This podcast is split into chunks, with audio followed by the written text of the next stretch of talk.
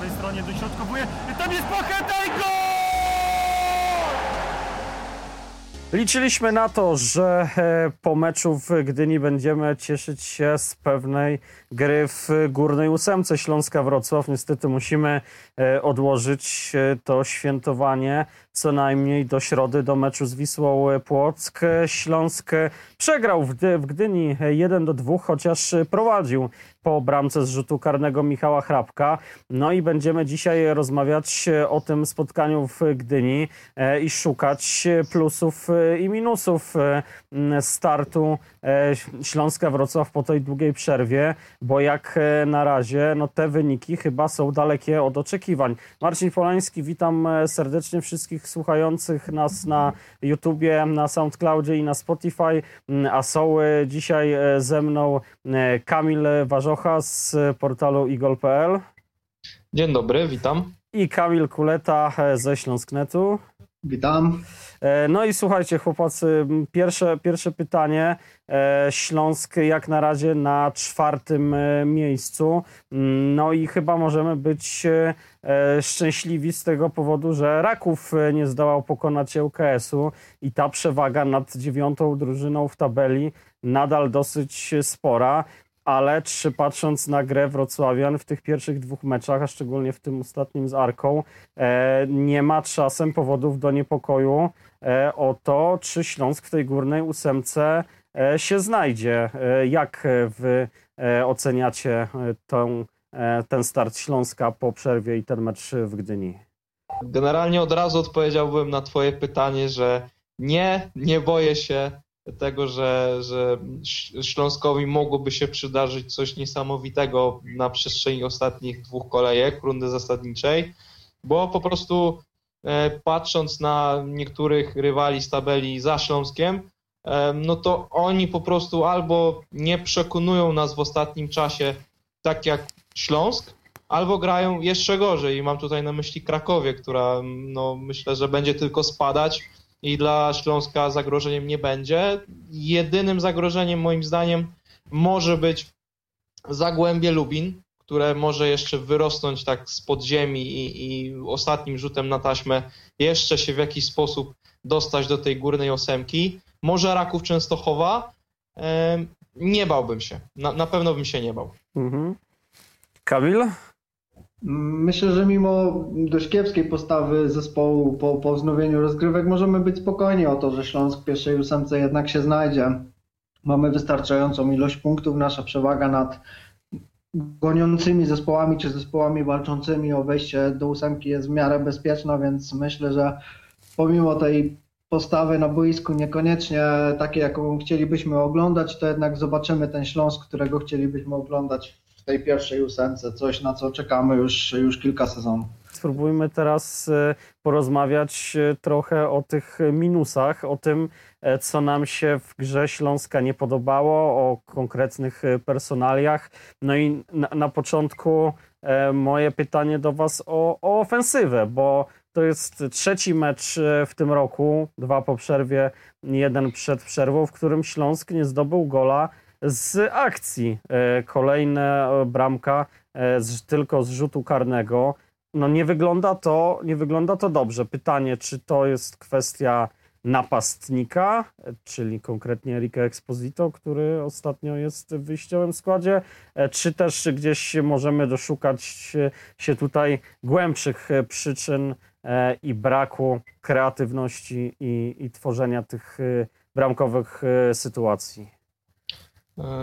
Mi się wydaje, że powinniśmy te dwie kwestie połączyć, czyli że wciąż we Wrocławiu istnieje ten problem napastnika, który niby jest, który niby, znaczy nie niby, tylko rzeczywiście wykonuje jakąś pracę, no bo jak spojrzymy na statystyki, to e, można zauważyć, że Eric Exposito e, choćby w liczbie pojedynków na boisku góruje przynajmniej w, w tych ostatnich dwóch meczach, tak? czyli z Rakowem i z Arką Gdynia, jeśli chodzi o zespół Śląska.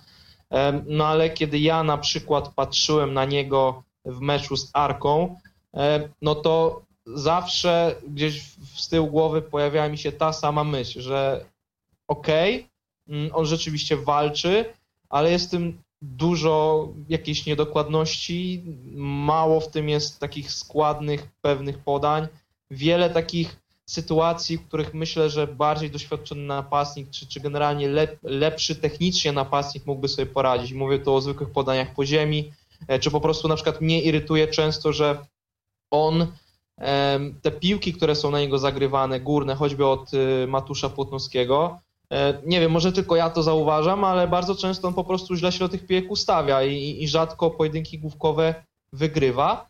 E, no i drugi problem do tego, no to to jest konstruowanie akcji ofensywnych. E, to, co widzieliśmy dzisiaj, no to taki obraz, którym Śląsk nie potrafił wykreować takiej naprawdę składnej, dogodnej akcji.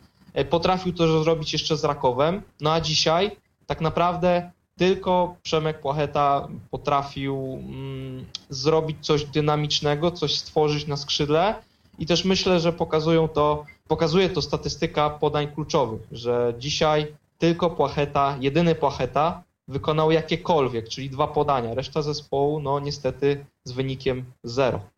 Tak, e, wspomniałeś tu o statystykach. E, no, Eric Exposito według raportu Instata są, są pozytywy, pięć e, dryblingów, pięć dryblingów udanych, natomiast no, niewiele, niewiele z tego wynikało. Też ciekawe statystyki, jeśli chodzi o kwestię fitness, bo Eric Exposito wykonał 12 sprintów. To jest więcej chociażby od y, Roberta y, Picha czy, czy Michała Hrabka. To jest jeden, jeden z lepszych, y, lepszych wyników. Natomiast porównując napastników w obydwu tych meczach, no jednak lepiej, lepsze wrażenie sprawiali na nas napastnicy rywali. Czy to Felicio Brown Forbes w meczu z Rakowem, czy to Oskar Zawada w meczu z Arką Gdynia. Mm, e, Kamil, jakie były Twoje wrażenia co do gry Hiszpana? No właśnie zgoła odmienne od Waszych. Ja jestem ogólnie, zresztą wiadomo o tym, ja jestem ogólnie fanem Erika Exposito, bardziej mm, tego w jaki sposób on mógłby grać. Ja widzę w nim ogromny potencjał, który jest niewykorzystywany w Śląsku i odnośnie dzisiejszego meczu muszę się z Kamilem nie zgodzić. E, ponieważ to Eric Exposito rozrzucił piłkę na lewą stronę, po której e, był rzut karny. Mm, e, zwłaszcza w pierwszej połowie on był dość aktywny. Mm, kolejny raz niestety powtarza się to, co to, co w Śląsku jest już od, od, wielu spotkań, czy w wielu spotkaniach było widać, czyli ogromna dziura pomiędzy Exposito a zawodnikami ofensywnymi, czyli mm, no, tutaj ja widzę jakieś błędy taktyczne, czy bardziej w ustawieniu, bardziej w taktyce zespołu, no bo to jest sytuacja przedziwna, kiedy nasz napastnik schodzi do rozegrania piłki czy, czy powalczenia o piłkę zagraną od bramkarza, a, przy, a za nim, za linią piłki nie ma nikogo, nie ma żadnego zawodnika, do którego ta zgrana piłka, czy nawet przegrana piłka, ale przerzucona przez, przez stopera, nie, nie jest do nikogo adresowana, bo tam nikogo nie ma, więc no tutaj ja widzę ogromny problem w tym, że no po prostu jakieś założenia taktyczne nie są realizowane, albo po prostu ta taktyka jest niedoskonała w tym temacie. No i tutaj jest ten minus Exposito. Prawdą jest też to, że on po prostu wiele rzeczy może robi dobrze, tylko robi za daleko od bramki przeciwnika i to jest też jego minus. To nie jest typowa dziewiątka i on tą typową dziewiątką nie będzie. Natomiast no, ta taktyka trenera Lawiczki czy gra Śląska za kadencji trenera Lawiczki raczej wyklucza możliwość gry na dwóch napastników, a myślę, że właśnie w takim ustawieniu z, z, z drugim napastnikiem byłby największy pożytek z Exposito. No i to jest to, do czego chciałem się odnieść, czyli ten problem, ja uważam, to jest problem taktyczny. Po prostu ofensywa Śląska nie występuje w tym momencie. My nie mamy my nie mamy wytrenowanych zakodowanych stałe, y, rozegrania z y, ataku pozycyjnego. No to u nas to po prostu nie funkcjonuje. No dzisiaj, dzisiaj próbowaliśmy kilkukrotnie kontrować i mam wrażenie, że to również nie jest przetrenowane, bo te kontry kończyły się po prostu na Przemku Płachecie i, i Dziurze. No ja rozumiem, że on jest szybki, nawet bardzo szybki i koledzy nie nadążają za nim, no ale jeżeli już ktoś się podłącza do tej akcji, to albo jest niedokładne podanie ze strony Płachety, albo jest e, próba dryblingu i, porażki e, w takim dryblingu, więc no tutaj jest jakiś problem, z którym no, trener Lawiczka od kilku spotkań nie potrafi sobie poradzić, bo to nie jest pierwsze czy drugie spotkanie, kiedy my po prostu nie funkcjonujemy w ataku. I to jest ogromny problem. No właśnie, zaraz e, do tego, do tego środka pola, do, do tej linii, linii pomocy, która gdzieś tam te piłki powinna dostarczać do napastnika, bądź, bądź sama tworzyć okazje bramkowe, przejdziemy, ale chciałem się jeszcze zatrzymać mm, na chwilę przy pozycji napastnika. E, I zastanawia mnie sytuacja Piotra Samca Talara, bo e, chłopak e, wydawało się, że to może być jego runda, że podczas przygotowań, podczas przerwy w rozgrywkach, gdy kontuzjowany był Exposito, jeszcze nie dołączył do klubu Rajcewicz e, no, wyglądał naprawdę dobrze w, w meczach sparingowych, e, no a okazało się, że Hiszpan szybko doszedł do zdrowia, dołączył kolejny, kolejny napastnik do drużyny. No i teraz wygląda na to, że Piotr Samiec-Stalar nie jest nawet trzecim, a czwartym wyborem trenera Lawiczki, bo na boisko jako zmiennik na pozycję napastnika wszedł Bergiel. I no, dla mnie to jest sytuacja dziwna i zastanawiająca. Nie wiem, jak wy to odbieracie. Wiesz co, zgodziłbym się z tobą, bo też y, się spodziewałem, że jednak Piotr Samiet-Talar będzie dostawał te szanse, tak? Przecież y, w końcu przedłużył kontrakt. Myślę, że też dostał kilka takich słów, że ok, Piotrek, trenuj, bądź z nami i w końcu dostanie swoją szansę, a na razie no, na horyzoncie tej szansy nie widać. Ja osobiście mm, po tym, co widziałem też, oczywiście wiadomo, treningi nigdy nie są miarodajne, ale, ale z moich spostrzeżeń takich osobistych, no dla mnie e, Piotr Samie Stalar bardziej się nadaje na pozycję tej dziewiątki niż, niż Bergier, e, więc chętnie bym go w meczu Ekstraklasy zobaczył, nawet na te chociaż 20 minut czy 30, żeby miał w ogóle szansę się rozpędzić w tym meczu, a nie na jakieś ostatnie kilka minut, jak to już miało miejsce. Także ten problem e, z napastnikiem jest i nie wiem dlaczego nie dać właśnie szansy e, komuś nowemu, żeby wprowadzić świeżość i myślę, że co do tej świeżości jeszcze e, dojdziemy właśnie, w, jeżeli chodzi o środek pola, bo mi tam na przykład brakuje dynamiki. Tam nie ma linii pomocy piłkarza dynamicznego, mamy tylko Przemka Pochetę i tak naprawdę nie ma piłkarza, który mógłby zrobić jakiś zryw. I, I tak naprawdę to jest, myślę, ciągle takie liczenie na, na to, żeby Przemek Pocheta coś zrobił na skrzydle, gdzieś dośrodkował i, i na tym się opiera największa nadzieja Śląska w ofensywie. Y, tak, przejdziemy, na, tak jak wspomniałem wcześniej, to jest jeden z wątków, który, który na pewno poruszymy w dalszej części y, podcastu. Dwa słowa o tych stratach. Rzeczywiście Erik Exposito w ostatnich meczach był piłkarzem w drużynie Śląska z największą liczbą straconych y, piłek według Instata. 15 strat w meczu z Arką i 17 w meczu z Rakowem. Natomiast no, musimy też pamiętać, że tu za straty są liczone chociażby takie sytuacje, kiedy Exposito wygrywa walkę w powietrzu, o, głową ją zgrywa, no ale ta trafia do, do przeciwnika, tak? A takich e, sytuacji jest mnóstwo, kiedy Matusz Putnocki właśnie takim dalekim wykopem wznawia, wznawia grę, więc zawsze gdzieś tam trzeba wziąć na to e, poprawkę. E, Kamil, dwa słowa o napastnikach? No to tak, jeżeli chodzi o stratę Erika Exposito, no to trudno, żeby tych strat, strat nie miał, jeżeli jest pozostawiony sam sobie na nie wiem, 30-40 metrach kwadratowych, nie ma żadnego innego jego kolegi, więc no te straty są jakby nieuniknione. Co do Piotra Samca Talara, ja mam taką teorię.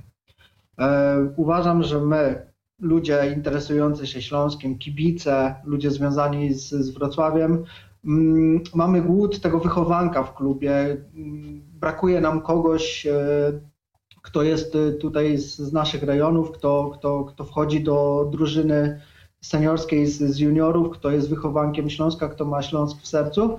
I mam takie wrażenie, że trochę na siłę pompujemy, czy na siłę promujemy tego Piotrka Samca Talara w pierwszej drużynie, właśnie w związku z tym, że mamy ten głód wychowanka.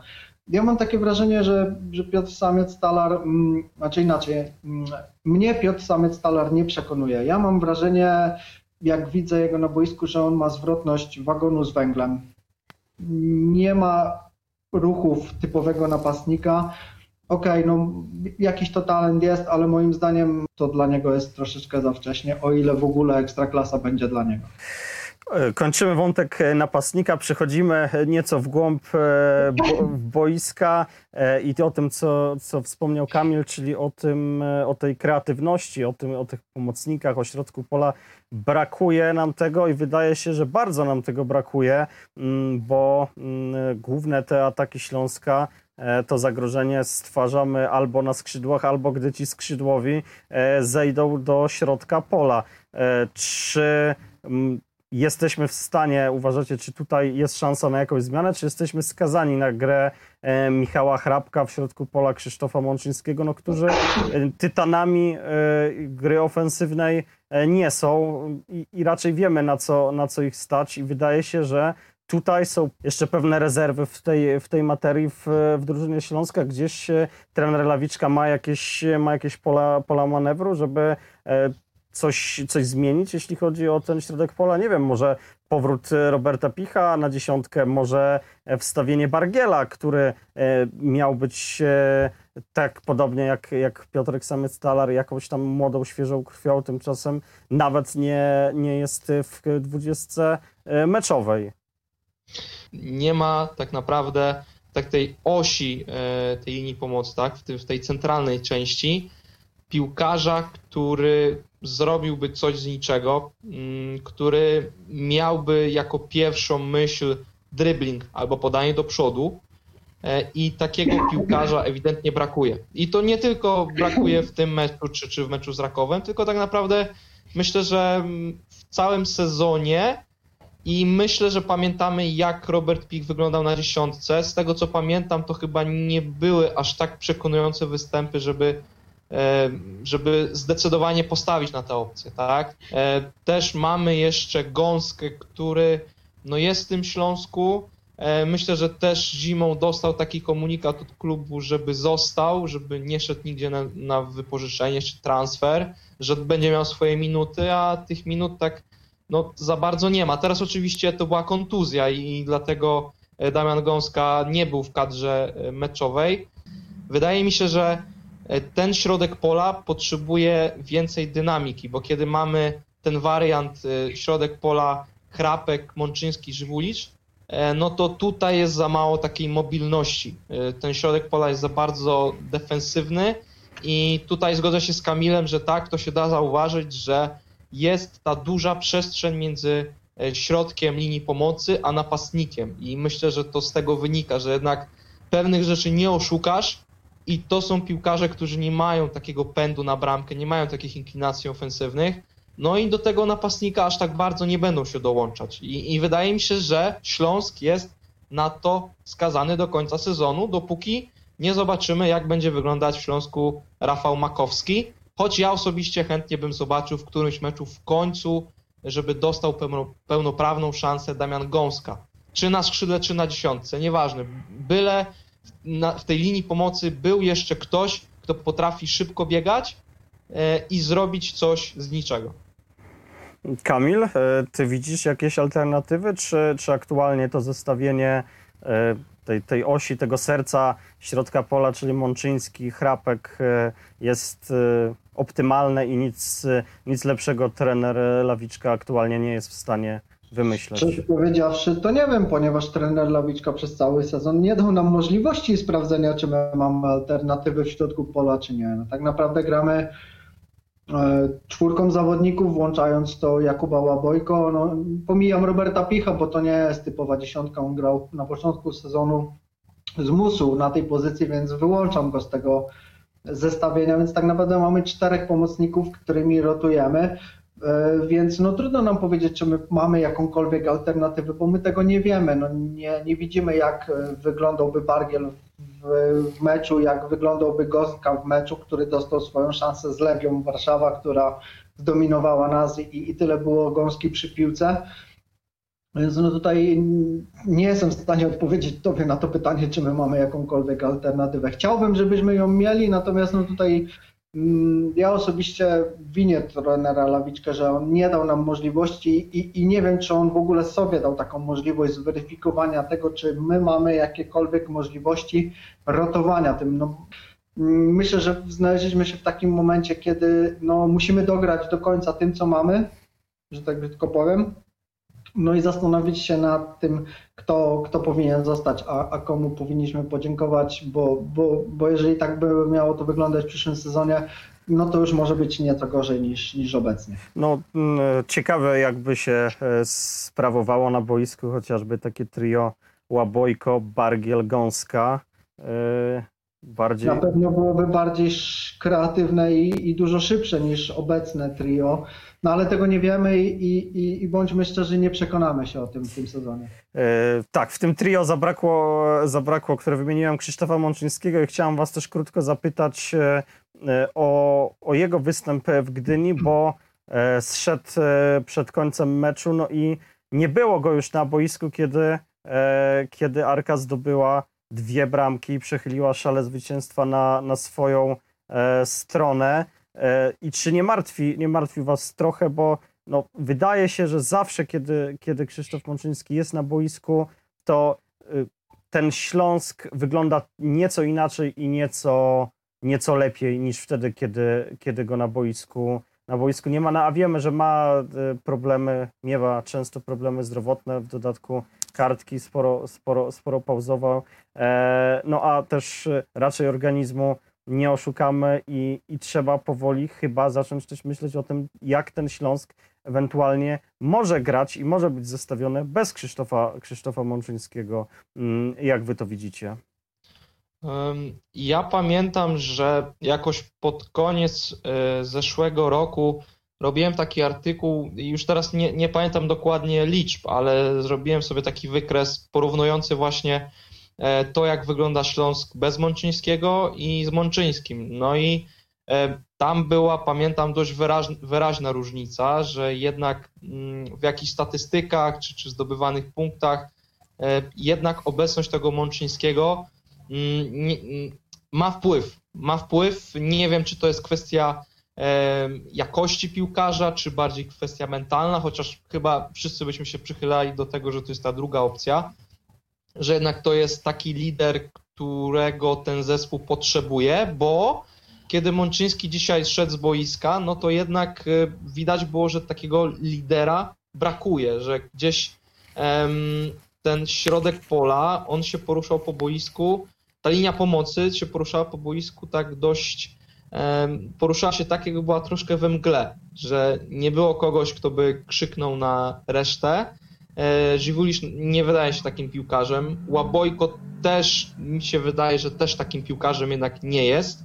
E, no i moim zdaniem e, brak Mączyńskiego, ewentualny brak Mączyńskiego w przyszłości w Śląsku, gdyby do tego doszło, no mógłby być widoczny, bo ja nie widzę w tej chwili w Śląsku, jeśli chodzi o linię pomocy, no takiego lidera mentalnego i, i jeżeli nie będzie zastępstwa za tego piłkarza, no to ten zespół kilka procent e, swoich możliwości straci. Tak mi się wydaje.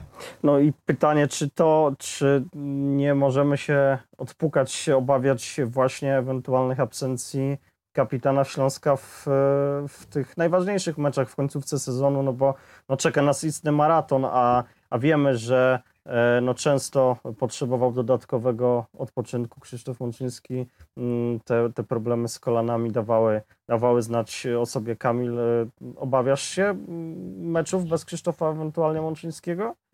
Na ten moment nie wyobrażam sobie Śląska bez Krzysztofa Mączyńskiego.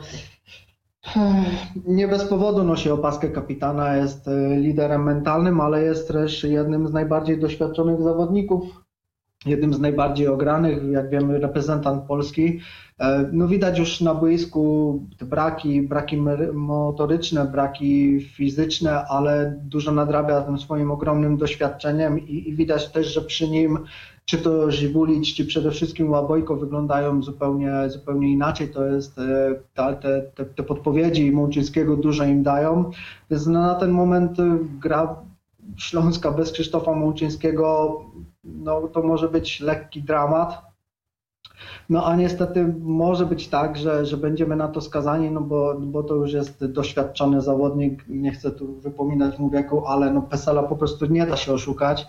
No i, no widać, że od, od dłuższego czasu ma pewne problemy fizyczne, więc tak jak powiedziałeś, no ten kalendarz dla nas nie jest korzystny w takim sensie, że ta ilość spotkań może w którymś momencie po prostu Mączyńskiego na tyle zmęczyć, czy na, na tyle wyeksploatować, że on po prostu już będzie nie do gry do końca sezonu.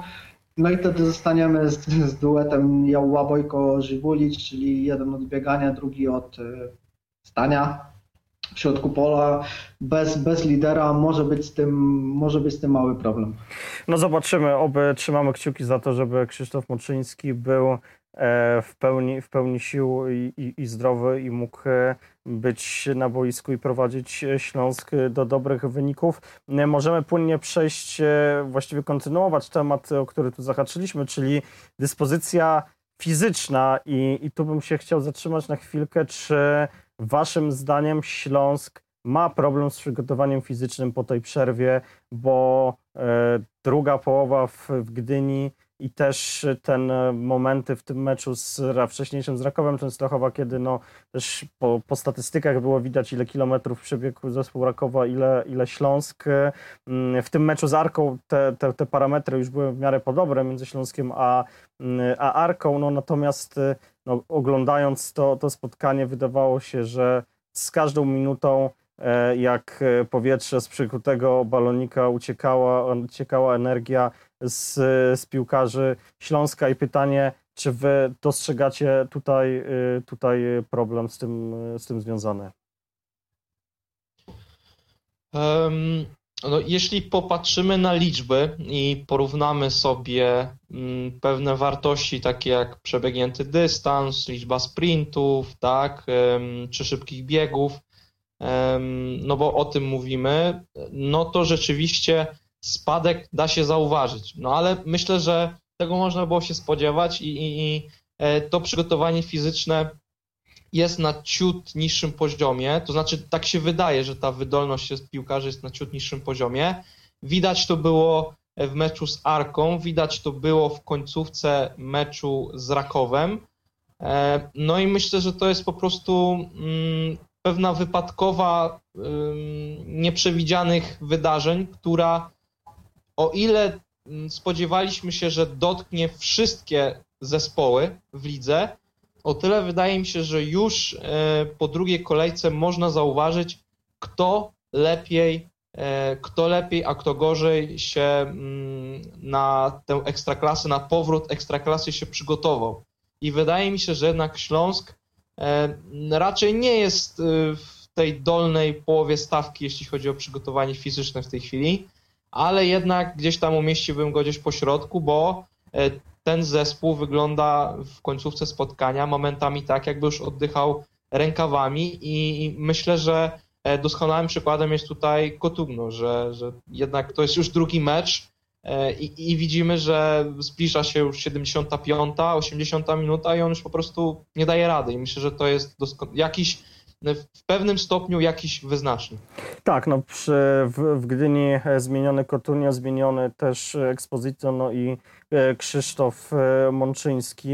Mm, Kamil, jak, jak ty ocenisz tę, tę, tę sferę w zespole Śląska? Czy, czy widzisz tutaj problem z przygotowaniem fizycznym? Czy, czy to jest jakiś powód do obaw przed tą wyczerpującą końcówką, czy, czy raczej jesteś spokojny? Wiecie co, jeżeli chodzi o przygotowanie fizyczne, tak naprawdę musielibyśmy się odnieść do poprzednich spotkań i dokładnie prześledzić, jak to wyglądało, jeżeli chodzi o przebiegnięte kilometry, mm, czy sprinty, czy, czy szybki bieg. Natomiast no, mm, obraz meczu wygląda tak, że my w pewnym momencie po prostu gaśniemy. Zaczyna brakować nam sił e, i, i niestety w tym momencie bardzo rozpaczliwie cofamy się do defensywy, Raków e, tydzień temu tego nie wykorzystał, e, dał się skarcić, e, natomiast Arka dzisiaj to wykorzystała i wygrała mecz. I to widać, to, to, to, to, to się odbija na, na obrazie gry, to, to, to da się zauważyć oglądając spotkanie, że no, do pewnego momentu jeszcze, jeszcze to wygląda całkiem przyzwoicie, jest siła, biegamy, próbujemy, z różnym skutkiem, ale próbujemy stwarzać sytuację, natomiast w pewnym momencie, zwłaszcza przy pozytywnym wyniku, co już jest e, no tak, tak się w Polsce gra. No, mamy dobry wynik, to bronimy i, i, i nastawiamy się na kontry. Natomiast no, bronić się też trzeba umieć i my My mamy z tym pewien problem, zwłaszcza wtedy, kiedy zaczyna brakować sił, a, a to, się daje o, to się daje zauważyć. Te dwa miesiące przerwy mm, nagłej i niespodziewanej no musi odnieść jakiś, e, musi pozostawić jakiś skutek e, w organizmie każdego zawodowego sportowca, to niekoniecznie piłkarza, no każdy zawodowy sportowiec, który jest w trakcie sezonu, kiedy nagle zabiera mu się możliwość e, trenowania, uprawiania swojej dyscypliny sportu, to musi się odbić. To nie ma takiej możliwości, żeby się nie odbiło. E, wspomnieliśmy tutaj o, o Guillermo Cotunio, który już w drugim e, meczu no, widać, że ma, ma problemy właśnie z, z tym, żeby dotrwać do końcowego gwizdka. W meczu z Rakowem e, zmienił go Lubambo Musonda. W Gdyni pojawił się Kamil Dankowski. No i pytanie do Was, czy, czy wiedząc, że Argentyńczyk, e, Urugwajczyk nie ma e, sił, mm, czy mm, zaryzykowalibyście wystawienie go w meczu z Wisłą Płock, czy jednak e, pozwolilibyście mu troszkę odpocząć i zdecydowalibyście się na wysłanie do boju jakiegoś innego zawodnika jako prawego obrońcę?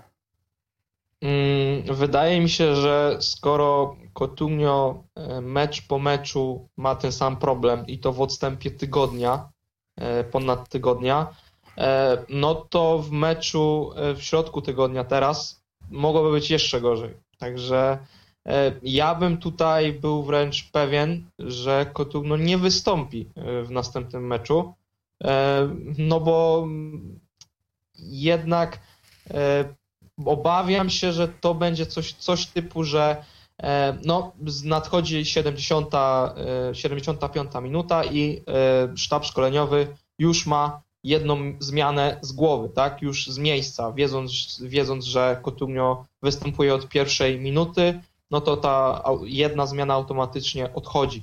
I jednak mimo wszystko postawiłbym na Musondę w następnym meczu, ale chyba musimy też zauważyć, że zarówno w meczu z Rakowem, e, mimo że tam, no niestety, Urugwajczyk nie zablokował tego dośrodkowania, po którym Raków strzelił bramkę, ale wiemy dlaczego, tak?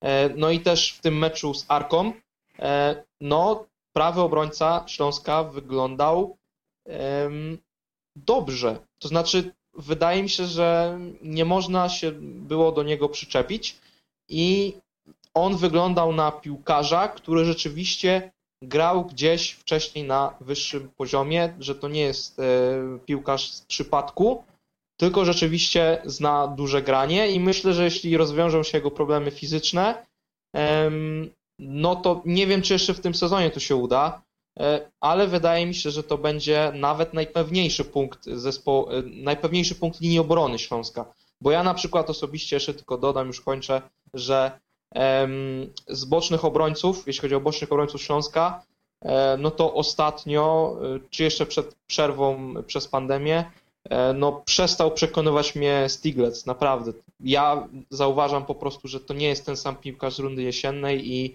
i też na tej lewej stronie jest mały problem, że, że to nie jest już to samo.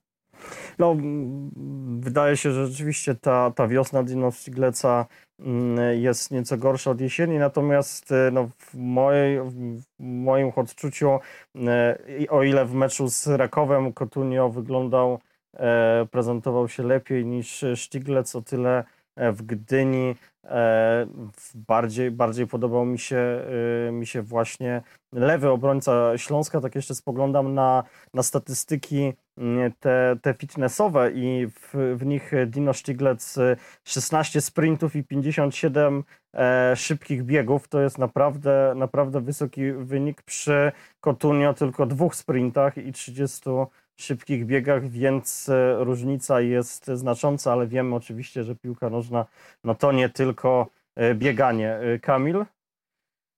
Tutaj prawa obrona Śląska to według mnie jest bardziej złożony problem niż na, na pierwszy rzut oka nam się wydaje. Mm, z, z Musondą takie wrażenie, pamiętacie jak zawsze Jakub Wawrzyniak powtarzał, że w reprezentacji jest zastępcą obrońcy, którego, którego reprezentacja nie ma. Ja miałem takie wrażenie z Musondą, że on zastępuje tego prawego obrońcę, którego w Śląsku po wypadnięciu Łukasza Brozia po prostu nie było. No i teraz mamy Kotunio, który przychodził z założeniem, że będzie naszym podstawowym prawym obrońcą i po 60 minutach jest e, do zmiany ze względu na to, że po prostu nie daje rady fizycznie, bo, bo piłkarsko widać, tu się z Kamilem zgadzam, piłkarsko widać, że to jest piłkarz, który potrafi grać w piłkę i ma pojęcie o tym, jak bronić. Myślę, że ma również pojęcie o tym, jak atakować. Tego niestety jeszcze nie widzieliśmy, bo jego wizyty na połowie przeciwnika raczej kończą się zagraniem do tyłu bądź, e, bądź niedokładnym dośrodkowaniem. Natomiast y, czy ja bym się zdecydował na wystawienie Kotunio na Płock? Myślę, że nie. Właśnie, właśnie ze względu na to, o czym Kamil powiedział, że no już y, z założenia zostałyby nam tylko dwie zmiany, bo nie jestem, nie jestem e, przekonany do tego, czy wytrzymałby więcej niż 45 minut. Natomiast czy, czy widzę, kogo widzę na, na jego miejsce w Płocku? E, po tym, co dzisiaj powiedział e, trener Lawiczka na konferencji pomeczowej, gdzie odniósł się do, do naszego pytania, dlaczego, dlaczego Dankowski, a nie Musonda. On powiedział, że Dankowski ze względu na to, że potrzebowali obrońcę, który będzie, ja tak, ja tak to zrozumiałem, pewniejszy przy stałych fragmentach gry. Zważywszy na to, że Płock słynie ze stałych fragmentów gry, ja bym się skłaniał tutaj jednak ku temu, że zagra Kamil Dankowski. Musonda te braki na prawej obronie nadrabia szybkością. Tutaj Kamil Dankowski E, ma jednak mimo wszystko nieco większe doświadczenie na prawej obronie i, i chyba w obronie wygląda nieco pewniej, zwłaszcza w grze, obro, zwłaszcza w grze obronnej i w grze przy bronieniu stałych fragmentów gry wygląda nieco pewniej niż, e, niż Musonda, więc jeżeli Kotunio nie jest gotowy, a widać, że nie jest gotowy do gry co tydzień, a co dopiero co trzy dni, to, to moim zdaniem w Płocku wybiegnie Kamil Dankowski od pierwszej minuty.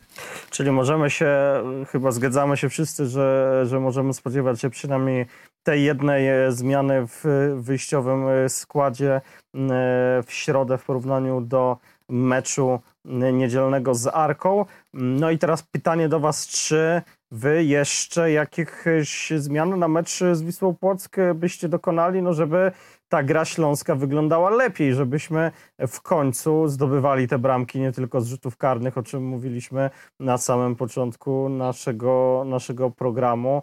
Mm, co byście podpowiedzieli trenerowi Lawiczce? E, no ja bym powiedział trenerowi Lawiczce, że, że jestem fanem mm, mimo wszystko pary Mączyński-Łabojko, nie Mączyński-Żywulicz. I oczywiście ktoś mógłby powiedzieć, że to już urasta troszkę do miana populizmu, że gdzieś tam tego Żywulicza krytykujemy, że, że, że mówi się, że on no, zawodzi, że, że mm, jeszcze pamiętam jesienią mówiło się, że on się porusza jak wóz z węglem, tak, że, że nie ma takiej zwrotności. Wtedy jak jeszcze też musiał grać na środku defensywy, ale też na, na pozycji defensywnego pomocnika również. No dla mnie mm, mimo wszystko ja, jakby tak jak powiedziałem, chciałbym, żeby linia, ofens- linia pomocy Śląska miała trochę więcej dynamiki, a moim zdaniem Łabojko jest trochę bardziej dynamicznym piłkarzem niż Żywulicz, no bo Mączyńskiego no, nie ma szans, żeby wyciągnąć e, z jedenastki, on musi grać. I wydaje mi się, że oprócz e, tej zmiany zaproponowałbym trenerowi oprócz tego, co jeszcze mówiliśmy, czyli że ten prawy obrońca, to zgodnie chyba możemy stwierdzić, że raczej Coutinho nie zagra i, to będzie pewnie Dankowski. E, no ale zaproponowałbym jeszcze trenerowi e, no, zmianę jeszcze jednej pozycji w linii pomocy, czyli zmianę za Roberta Picha, bo ten mecz z Arką, no patrząc na niektóre statystyki, on nie wyglądał najlepiej, o ile nie bardzo źle. I też wydaje mi się, że ja byłbym fanem rozwiązania, znowu to powtórzę, e, z Damianem Gąską, jeżeli, bo on ponoć ma wrócić e, na mecz właśnie z Płockiem, że nie będzie tego problemu. No i chciałbym tam zobaczyć na tej prawej flance kogoś innego niż e, Picha i raczej nie Markowicza, ale właśnie piłkarza pokroju Gąski albo może nawet Musondy. No chyba, że E, w co szczerze mówiąc wątpię, trener zdecydowałby się na rozwiązanie z Bergierem na, na skrzydle od pierwszej minuty, e, ale na pewno wydaje mi się, że trzy zmiany e, znaczy na pewno dwie, a może nawet trzy byłyby optymalne na, na ten mecz z Płockiem. Mhm. Kamil? No, przede wszystkim musimy wyjść od tego, jaki będzie stan zdrowia Krzysztofa Mączyńskiego. Musimy wiedzieć, czym była spowodowana ta zmiana. Czy to nie jest jakiś drobny uraz, który może go wykluczyć, albo ewentualnie pozwolić mu odpocząć ze względu na to, żeby on się nie, nie pogorszył i, i nie wypadł na dłuższy okres. No i zakładając, że Mączyński jest zdrowy i, jest do gry, to jak najbardziej Krzysztof Mączyński w środku. No i obok niego kolejny raz powtarzam Jakub Łabojko to czasami wygląda tak, że ja tego Żywulicia tak nie mówię o nim pochlebnie, on mi przeszkadza. Tyle, że no posłuchajcie, no wynotowałem sobie e, z meczu z Arką e, jed, dwa podania do przodu. Pierwsze w 41 minucie, poprzedzone ładnym, e, ładnym zwodem, kiedy minął chyba dwóch przeciwników, czy, zatrzyma, czy, czy manewrował dwóch przeciwników. Drugie podanie było w 73 minucie i to podanie wylądowało w trybunach. Więc od zawodnika w środku pola powinniśmy wymagać nieco więcej niż odbieranie piłki i zagrywanie do najbliższego, a najlepiej do tego, który jest ustawiony z tyłu, bo to jest najbezpieczniejsze. Ktoś, kto nie ogląda meczu, później patrzy, patrzy w te statystyki, no i widzi, że pan, że Diego Zibulić ma 46 celnych podań na 53 zagrane. No znakomicie, 87%, poziom Busquetsa. No tak, tylko że w meczu to wygląda zupełnie inaczej, więc mnie Szybulic nie przekonywał, nie przekonuje i chyba już nie przekona. Natomiast Jakub Łabojko, myślę, że fizycznie, oczywiście no, warunki fizyczne mają jedni, jeden i drugi mają jakie mają. No, Jakub Łabojko nagle nie stanie się e, jego Zibuliciem, nie będzie miał jego wzrostu, jego wagi, jego siły, no ale nadrabia dużo kreatywnością i przede wszystkim wybieganiem. On jest dużo bardziej wybiegany od Zibulicia. Mam wrażenie, że jego jest po prostu wszędzie pełno, ale przy tym e, jest też zawsze tam, gdzie powinien być, bądź gdzie wskaże mu Krzysztof Mączyński, no bo tu jest ogromna rola właśnie Krzysztofa Mączyńskiego, który kieruje tym Jakubem Łabojką. No i tutaj problem jeszcze jest e, z tą prawą, prawym skrzydłem, prawym wahadłem mm, i szczerze powiedziawszy, powoli brakuje mi alternatywy dla Roberta Picha. Markowicz moim zdaniem skreślił się sam. Robert Pich e, gaśnie nam w Śląsku i to gaśnie nam strasznie w oczach i, i, patrząc przez pryzmat tego, ile zrobił, czy ile dobrego dał temu klubowi, to, to aż smutno na to patrzeć. No i nie mamy trochę alternatywy i, i, tak, i tak boję się tej prawej strony na Płock, bo, bo, czy nie bo czy zagrałby Musonda, czy dostałby szansę Bergier, no to ta prawa strona byłaby taka dość eksperymentalna, taka nowa i, i chyba jednorazowa, więc e, jeżeli tak miałoby to wyglądać, to, to myślę, że dlaczego nie Bergier? Musonda no, nie przedłużył jeszcze kontraktu, nie wiadomo czy w ogóle jest taki zamysł, żeby przedłużać z nim kontrakt. Bergier będzie grał, jest młodzieżowcem, więc y, myślę, że to jest mało realne, ale jeżeli mógłbym wybierać, a, a jak wiadomo mój skład pojawi się na stronie przed meczem, ja stawiał będę na y, Sebastiana Bergiera. E, no właśnie, wyprzedziłeś nieco, nieco moją myśl, e, tylko jeszcze zbliżając się powoli do końca, dwa słowa o Robercie Pichu. Nie, skreślałbym jeszcze, oczywiście zgadzam się, że ta wiosna nie należy do, do Roberta Picha, natomiast pamiętamy chociażby jak grał jeszcze jakiś czas temu Łukasz Broś i jak przed, przed kontuzją, więc no, czasem kwestia E, gdzieś tam przepracowanego okresu przygotowawczego i splotu różnych czynników e, wpływa na, na formę. Na formę... Muszę, się, muszę się wtrącić. Jasne, to nie jest tak, że, że my skreślamy Roberta Picha, nie, tu po prostu e, ja mam takie wrażenie, że przez szacunek na to, za to, ile on zrobił dla, dla Śląska, czy jak dobrze grał w Śląsku, ja bym mu po prostu w tym momencie, w jakim jest z formą, dał, dał odpocząć. Tak, tak po prostu z czysto kibicowskiego punktu widzenia, z, z, z, tej czystej sympatii do, do Słowaka i to ile, ile dobrego zrobił dla tego klubu. E, natomiast wspomniałaś też e, o Bergierze i e, tutaj no, pozytywna, jeden z, z pozytywnych rzeczy, w, które możemy wyciągnąć z meczu w Gdyni, po raz trzeci chyba, o ile mnie pamięć nie myli, w tym sezonie jednocześnie na boisku w barwach Śląska występowało dwóch młodzieżowców przez pewien czas, przez, przez kilkanaście e, minut, e, no to jest ewenementem e, i, i rozmawialiśmy też o tym w ostatnim podcaście, że liczymy na to, że młodzieżowcy będą otrzymywać więcej szans w Śląsku. No na pewno nie będzie mieć łatwej sytuacji trener Lawiczka wraz z, z całym sztabem, jak zestawić ten wyjściowy skład na mecz w Płocku. E, przypomnijmy, środa, godzina 18.